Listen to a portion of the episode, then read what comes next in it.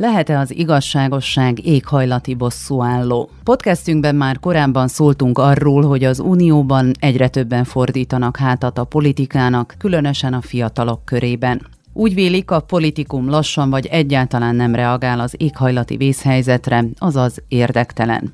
Az érintett polgárok, civil szervezetek egyre gyakrabban fordulnak bírósági szervekhez, hogy felelősségre vonják a kormányokat, az iparágak vezetőit, illetve az illetékes nemzetközi szervezeteket az éghajlatváltozással kapcsolatos helytelen cselekvésük miatt. A bírósági ítéletben kiszabott pénzügyi és büntetőjogi szankciók ugyanis pozitív cselekvésre ösztönzik a szennyezőket, ez pedig reményt ad a pozitív társadalmi változásokra. Talán ez lehet a magyarázata annak, hogy világszerte, így az Európai Unióban is egyre több az éghajlatváltozással kapcsolatos bírósági eljárás. Az Euronet Plus Green Deal ezen podcastjének kérdése tehát, vajon a per lehet-e az éghajlat legjobb esélye? Damien Mangon, 23 éves belga diák, Schoutfontein városából való, amely a 2021-es júliusi árvíz sújtotta belga városok egyike. A vízben tocsogó házában egyedül töltött napok nehéz emlékeinek feldolgozása érdekében aktivistává vált, és úgy döntött, hogy az Emberi Jogok Európai Bíróságához fordul. Már akkor azt mondta magamnak, eljött az ideje annak, hogy jobban beavatkozzunk a klímaváltozásba. Szinte az összes brüsszeli fiatalok a klímáért felvonuláson és a péntekek a jövőért rendezvényen részt vettem. Mindegyikhez csatlakoztam, mert úgy gondoltam, hogy lesz rá politikai reakció. Sajnos ez általában elmaradt vagy nem volt elég erős, és tovább kellett tűrnöm a következményeket. Szörnyű volt, és ez tényleg nem történhet meg újra. Közben tudom, ismét megtörténik.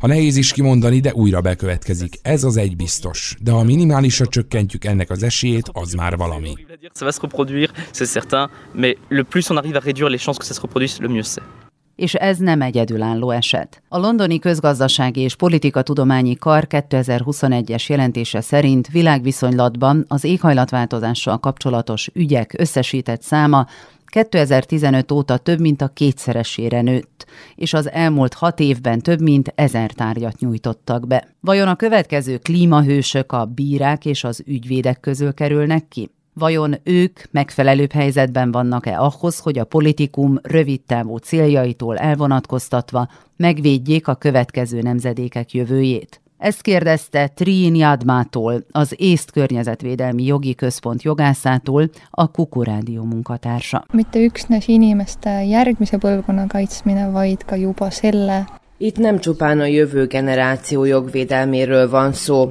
a mostaniakéről is. Megnyerő volt számomra egy 2018-as kolumbiai ítélet, amikor egy esőerdő védelmében fordultak az igazságszolgáltatáshoz az aktivisták. A bíróság nem csak azt mondta ki, hogy az erdőt meg kell védeni az éghajlatváltozástól, hanem azért is védeni kell, mert az erdőnek is vannak jogai. Tehát a természetnek jogai vannak. Sellepärast, et sellel metsal on ka oma õigused.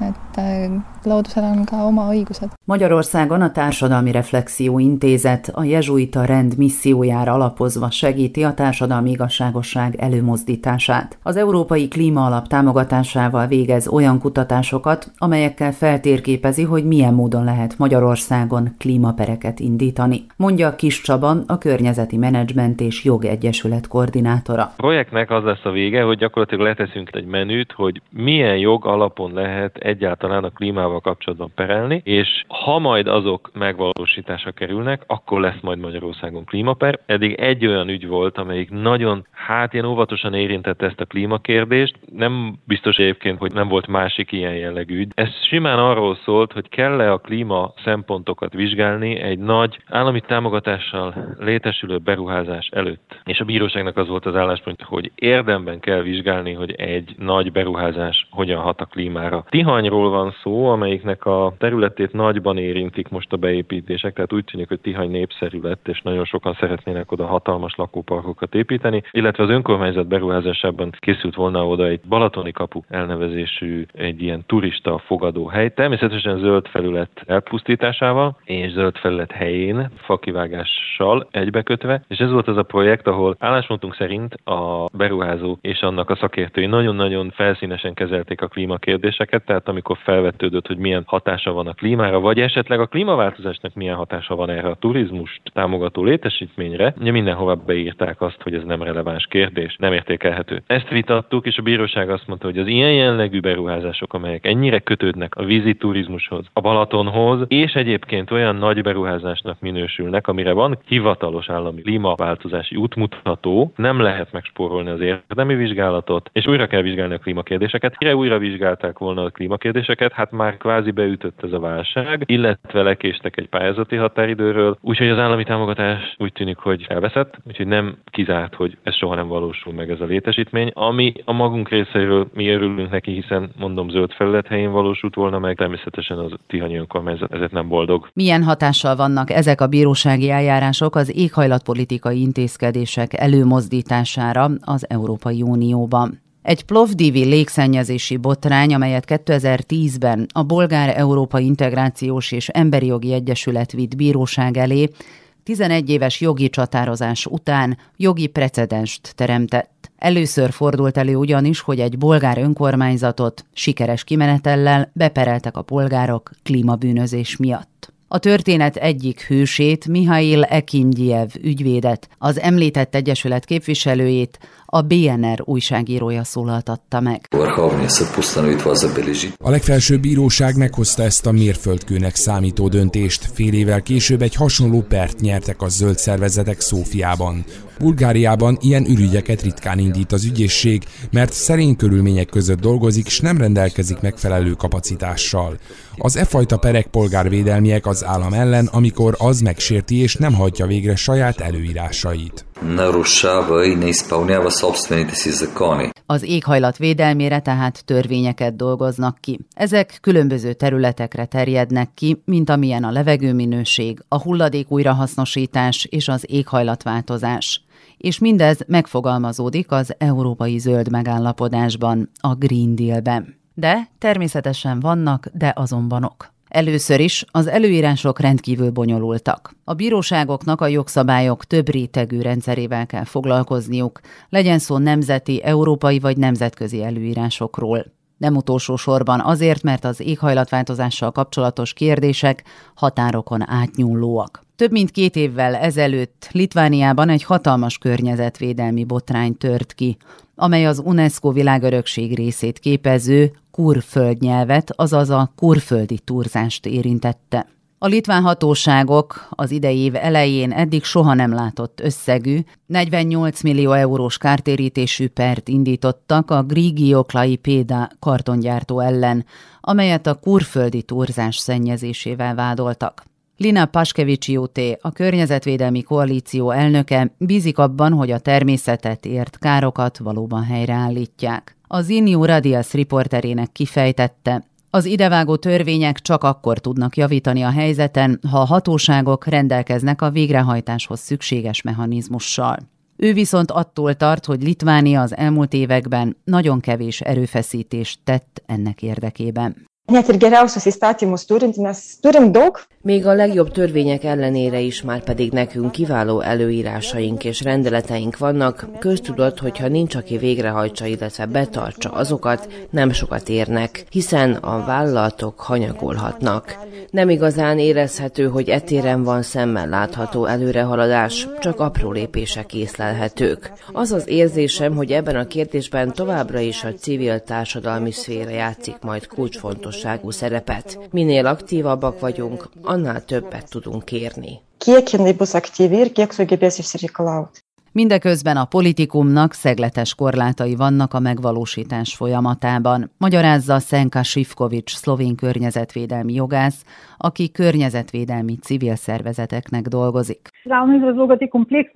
Éppen ezen összetettség miatt az átlagember azt hiszi, hogy az állam majd gondoskodik az egészséges életkörülményekről, viszont nem szabad elfelejtenünk, hogy a hatalmon lévő politikusokat négy évre választják, ami pedig azt jelenti, hogy többnyire rövid távú célkitűzéseket követnek. Ugyanakkor kettős szerepük van.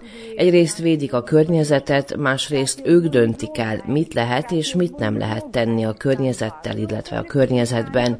Így konkrét esetekben igen gyakran hoznak döntéseket gazdasági vagy kapitalista érdekek nyomására.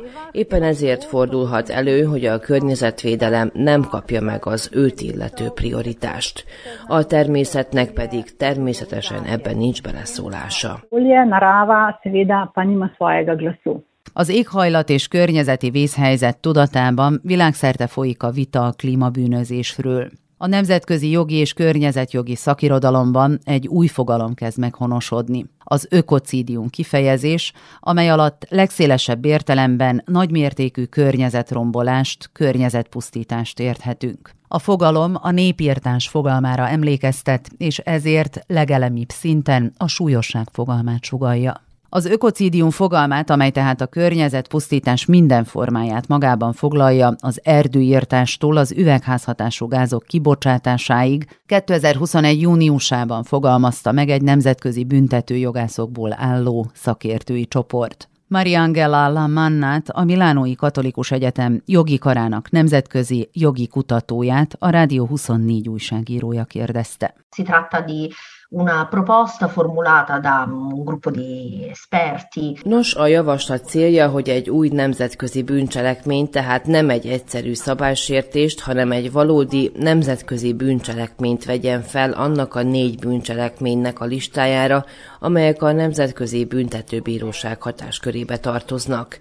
Ez potenciálisan ugyanabba a jogi kategóriába helyezni a környezetpusztítást, mint a háborús bűnöket, a népírtást és az emberiesség elleni bűncselekményeket. A javaslat szerint ökocidium alá sorolhatnánk minden olyan jogellenes, önkényes cselekményt, amelynek elkövetője tudatában van a természeti környezet szándékos vagy gondatlanságból elkövetett megkárosításának, illetve azzal, hogy a széleskörű cselekmények által okozott károsodások földrajzilag és időtávlatokban szerteágazóak és hosszantartóak duraturi, diffusi quindi nel tempo, le cui conseguenze si protraggano eh, nel tempo. Kérdés azonban, hogy a nemzetközi bíróságoknak, illetve a nemzeti nyilatkozatoknak van-e potenciális hatásuk. Olivier de Schutter, az ENSZ szélsőséges szegénységgel és emberi jogokkal foglalkozó külön megbízottja, a Lőveni Egyetem nemzetközi jogász professzora, az éghajlattal kapcsolatos bírósági ügyeket vizsgálja világszerte. Olivier de Schutter az RTBF szólaltatta meg. Depuis quelques années, ce sont surtout les gouvernements qui sont visés par ces actions en matière de changement climatique. Az elmúlt években a kormányok voltak az éghajlatváltozással kapcsolatos intézkedések fő célpontjai. Újabban azonban a vállalatokat is górcső alá veszik, kötelezvén őket arra, hogy középtávon tervezzék meg a csökkentett széndiokszid kibocsátású működésre való átállást. Ezeket az intézkedéseket egy nagyon egyszerű megfigyelés alapján vezették be. Az ipari korszak kezdete óta az üvegházhatású gázok kibocsátásának több mint kétharmada, pontosabban 72 százaléka annak a mintegy száz nagy vállalatnak tulajdonítható, amelyeket a fosszilis tüzelőanyag, a petrolkémiai és cementágazatban tevékenykednek. Ezek az úgynevezett karbon nagyhatalmak, és ezeket a nagyvállalatokat most beperlik. Ezeket a legjelentősebb ipari szereplőket kell, szó szerint, felelősségre vonni, és ezekkel a jogi lépésekkel ez meg is történhet. Quotidien que l'on peut poser, ce sont ces grands acteurs industriels aussi qu'il faut littéralement amener à rendre des comptes, et c'est ce que font ces actions judiciaires. Az Euróbarométer felmérése szerint 10 európai polgárból több mint 9 súlyos problémának tekinti az éghajlatváltozást. Ez a puszta adat magába véve is elegendő lehetne arra, hogy cselekvésre késztesse a környezetszennyezőket, hogy önkéntes lépéseket tegyenek tevékenységük káros hatásainak korlátozására. Így vallja Raquel Freitas, környezetvédelmi ügyvéd is, akit a portugáliai Radio Renascença munkatársa kérdezett. O poluir sai muito caro, e não é pela coima. A klímabűnözés elkövetése nagyon drága mulatság, nem csak a bírság, hanem a hírnév károsodás miatt is. Manapság senki sem akarja, hogy klímabűnözéssel hozzák összefüggésbe. A nagyvállalatok esetében egy egész mozgalom van arra, hogy akár önkéntes mechanizmusok révén, illetve kereskedelmi érdekek mentén is megpróbáljanak változtatni, éppen azért, mert nem akarják, hogy nevüket környezetromboló gyakorlatokkal hozzák összefüggésbe. Não querem que o seu nome fique associado a más práticas ambientais.